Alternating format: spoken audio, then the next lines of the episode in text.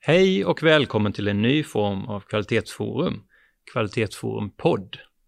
Här möter vi intressanta gäster och för djuplodande samtal.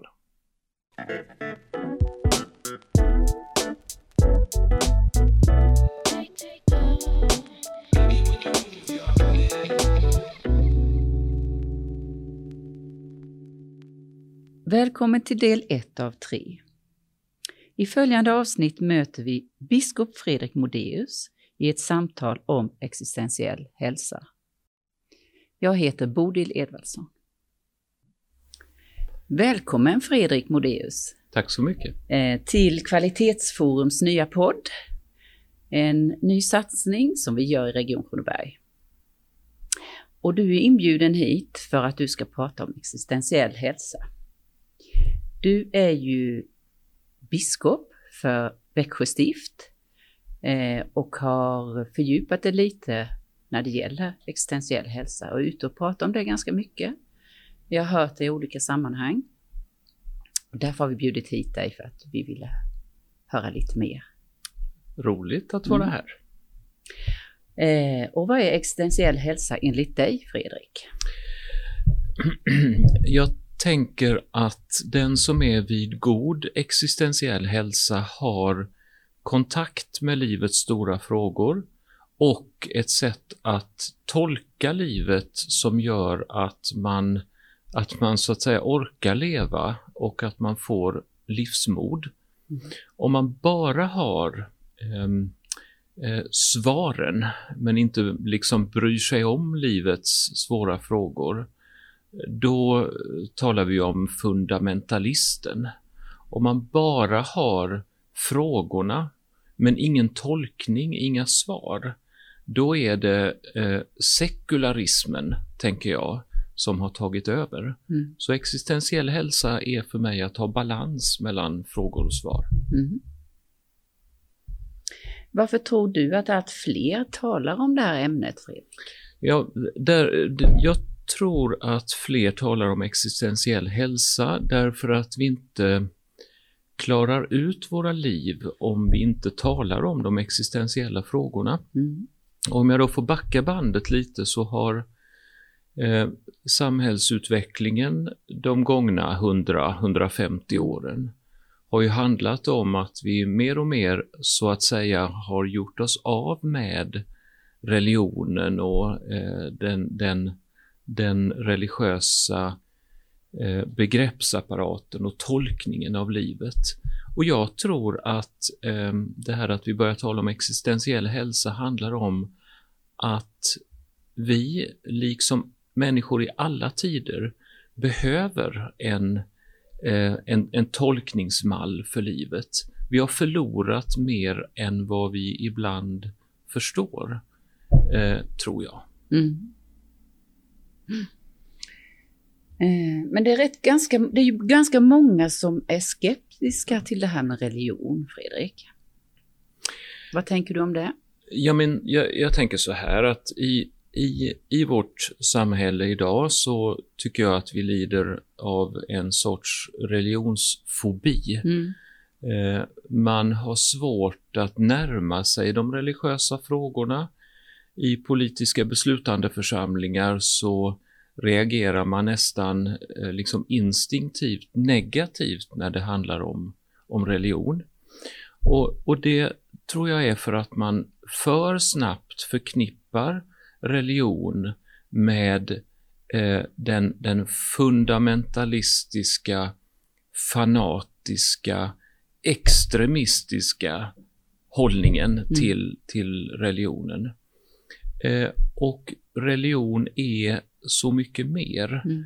Eh, för mig är, står fundamentalismen och de kategoriska svaren för en sjuk religiositet, om jag tar i lite. Mm. Och det finns så mycket frisk religiositet. Eh, människor som eh, lever med sin tro och sin tolkning, sin religion, sina svar, som en helt naturlig integrerad del eh, av livet. Men det är så mycket i samhället som som liksom landar i det där att religion är, ja, det är någonting för udda människor som gör konstiga saker vid eh, vissa tillfällen i, i livet. Mm. Och när det blir så, då har vi förlorat något väldigt viktigt. Var tänker du att de här samtalen sker? De existentiella samtalen här. Jag, jag, jag tänker att de sker överallt, eh, mm. i alla möjliga, och det visar utvecklingen i vårt land att i alla möjliga olika sammanhang, både vid, vid köksbordet hemma hos folk mm. och i, under Almedalsveckan och allt däremellan, mm. så dyker det här temat upp i, eh, i, i skolmiljön, i vårdmiljön. Eh, så det finns liksom ett samtal om existentiell hälsa överallt. Mm. Och jag tror att det där begreppet existentiell hälsa liksom gör att det är tillåtet att prata med varandra om det som inte är tillåtet så fort man tänker på det som, som religion. Mm. Så, att, så att samtalet förs nog um, li, lite överallt i vårt samhälle och jag är glad om det kan, eh, kan och i kyrkan såklart. Mm. eh, eh, och jag är glad om det här samtalet kan, kan leva brett i vårt sam samhälle. Och det som gjorde att jag liksom inom citationstecken glömde att säga kyrkan nu, det är att det för mig är så självklart att kyrkan är en plats där, där samtalet om de stora frågorna i livet alltid ska, ska pågå. Mm. Men om man kopplar det här till vården, hur vet man till exempel som sjuksköterska att man har ett existentiellt samtal med en patient till exempel? Jag brukar ibland berätta om, om, min, om min fru som jobbar i vården. Mm. Eh, hon kom hem en dag och eh, berättade att en, en kollega hade blivit upprörd. Mm. Eh, och kollegan hade sagt Varför är vården så existentiellt tondöv? Och det berättade min fru där hemma. Och det hennes kollega menade var ju inte att såklart alla läkare och alla sjuksköterskor är existentiellt tondöva. Men kollegan menade att det för somliga i vården är liksom svårt att eh, ställa in sig på en våglängd som gör att man verkligen hör vad människor frågar efter. Mm. Det finns rätt mycket forskning på att eh, eh, man lite lätt sorterar in det patienter säger i eh, somatiska eller psykiska kategorier. Men de, de existentiella frågorna rinner liksom lite vid sidan om. Och för att svara på din fråga, mm. så tror jag att man inom vården, liksom i många andra eh, sektorer i samhället, behöver, behöver träna sig på, på olika sätt. Mm. Att eh, på djupet förstå vad de existentiella frågorna handlar om. Man behöver också våga mm. samtala om dem. Eh, om samhället i stort är, vad ska man säga, drabbat av en religionsfobi, så är man ju det i vården också. Mm. Och om det liksom är förbjudet eller om man är ovan vid att prata om de stora frågorna, då blir man ju till slut avtrubbad mm. och hör dem inte när de ställs. Mm. För du tänker att jag kan träna mig i detta till exempel? Ja, mm. och, och, det, och det handlar eh, inte såklart bara om vad, eh, vad vårdpersonalen gör på jobbet och det man arrangerar där av sådan träning, utan det handlar ju om hur vi som människor lever med de stora frågorna. Mm. Om, vi, om vi tänker det där är något förvetenskapligt. Det där är, höll de på med före 1700-talets upplysning. Eh, om man tänker så, då täpper man ju till, eh, liksom, eh, täpper man till om frågorna. Mm. Och lever man inte med dem själv, så är det svårt att leva med dem i sitt jobb. Så det är ett, det, och det är därför som jag alltid väljer att tala om, om existentiell hälsa i ljuset av den breda samhällsutvecklingen Mm. där sekulariseringen på många sätt har gjort något gott med oss därför att den har gjort att vi är fria. Eh, Men, men sekularismen, den här hållningen att, att religion är något som, eh, det är ett stadium vi har passerat, den gör oss inte, inte gott. Så du menar att genom hur jag lever hela mitt liv så kan jag utveckla min förmåga att ha de här samtalen med de som vill det? Om jag, precis, om jag själv är vid eh, så att säga god existentiell hälsa, Mm.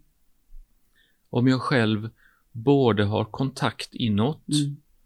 och ett sätt att tolka livet eh, som, som bär och där jag känner mig trygg, då kan jag förmedla det till andra Mm. och jag kan, eh, kan så säga våga höra när människor frågar om liv och död, skuld och förlåtelse och meningsfrågan och om vad som händer efter livet. Alltså de, de stora frågorna som människor levt med i alla tider. Mm. Vi lever ju i en tid när det är väldigt högt tempo kan man ju säga. Det är vi överens om. Det är vi absolut. Ja, och eh, hur ser du på detta? Är det, hur påverkar det vår existentiella hälsa? Jag tänker ändå att stress, högt tempo eh, kan ha, jag tror att det kan ha en negativ inverkan på dig som person när det gäller att lyssna inåt och integrera dig själv med dina känslor och upplevelser. Vad finns det man kan göra för att ha motståndskraft mot det höga tempot och stress?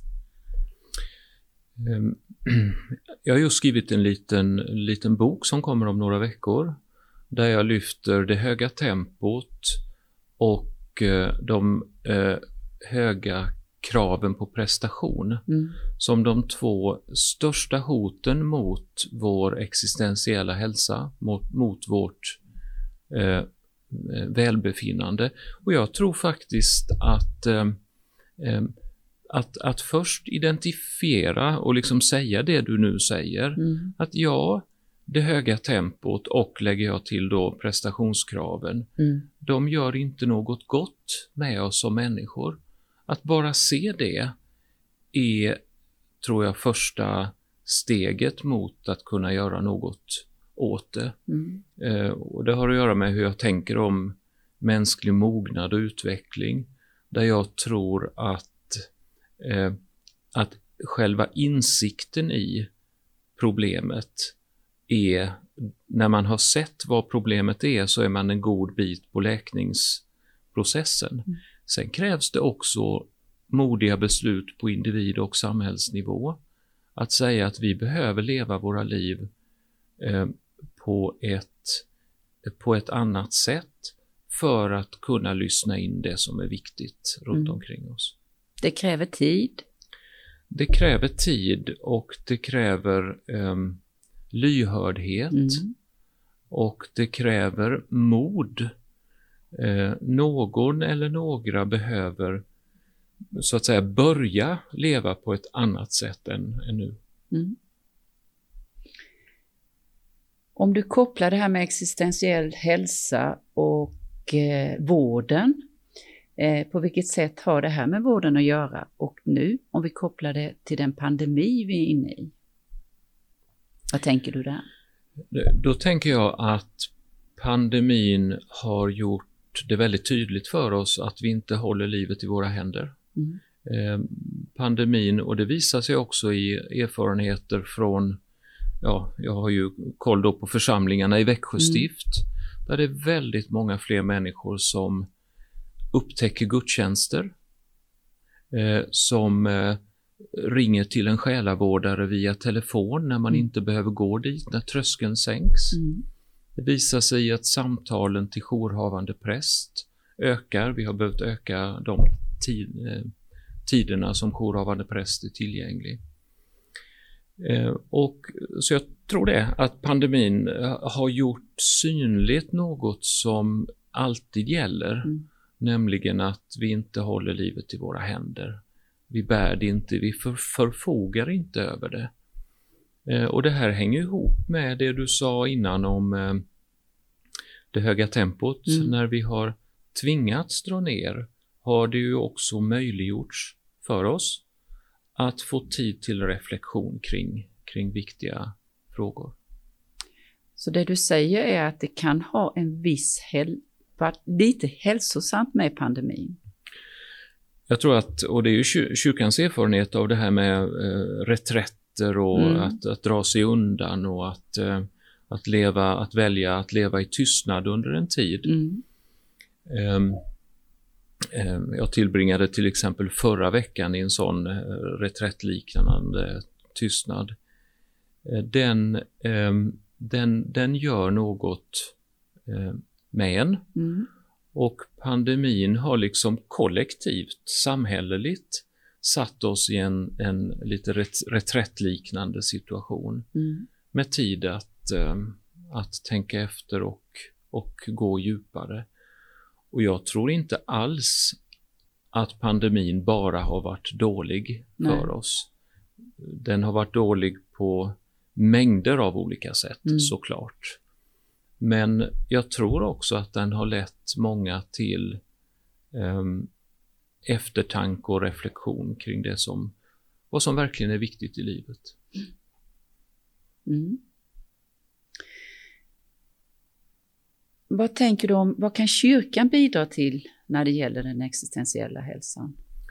Massor Mm. eh, är svaret. Mm. Eh, om, man, om man ser det så att säga utifrån så tror jag att det som behövs är att man tänker om kyrkan, att kyrkan är en, en viktig aktör för de existentiella frågorna. Så att man inte tänker på kyrkan som en del i det religionsfobiska sammanhanget, alltså det är någonting som vi inte behöver längre. Mm.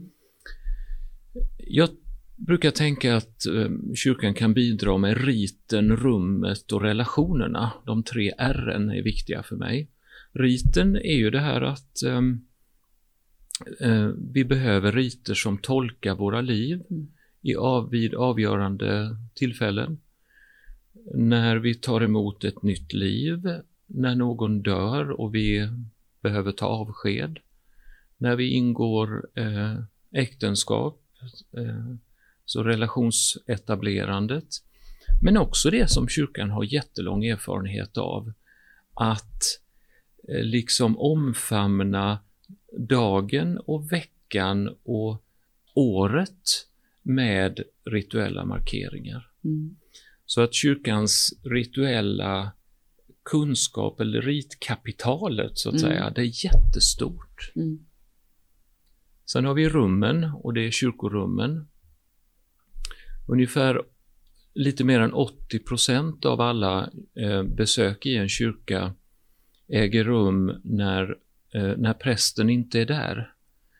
Och då kan man som präst tänka, usch vilket misslyckande, men jag väljer att tänka på andra hållet, Mm. nämligen rummen är viktiga i sig. Att få gå in i en kyrka och märka att där finns det plats för mina tankar, för min djupaste sorg.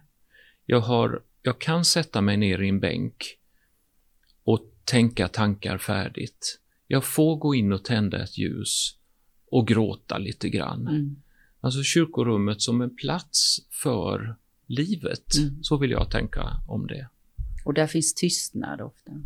Och där finns inte minst eh, eh, tystnaden som är eh, i den här lilla boken jag skrivit just nu finns det också ett litet kapitel som handlar om ord och tystnad Mm. och hur viktigt det är att inte för snabbt med de fyrkantiga svaren sätta tydliga etiketter på livets frågor, utan att bjuda in till tystnad och Mm. reflektion. Och sen eh, det tredje och sista r är, är relationerna. Och då tänker jag dels på det samtal med människor som kyrkans sammanhang kan erbjuda. Och dels på samtalet med eh, präst och diakon. Där, där prästen ju har en absolut tystnadsplikt, en lagstadgad tystnadsplikt. Mm. Som gör att jag när som helst, i vilken situation som helst i livet, kan, kan komma till en präst och berätta om allt och veta att det stannar där. Mm. Eh, och därför är det så spännande att präster ju nu är djupt involverade för att knyta tillbaka till vårt tema i frågor om den existentiella hälsan. Mm. Det är ett så otroligt spännande fält när, när det liksom moderna sättet att tala om tro, som jag tror existentiell hälsa är, eh, möter eh, kyrkans eh, urgamla berättelser och riter och, och traditioner. Så där tror jag kyrkan kan ge bidrag, både när det gäller eh, riten och rummet och relationerna. Tack Fredrik. Tack så mycket. Tack för att du kom hit, att du tog dig tid. Det var roligt att vara ja. här.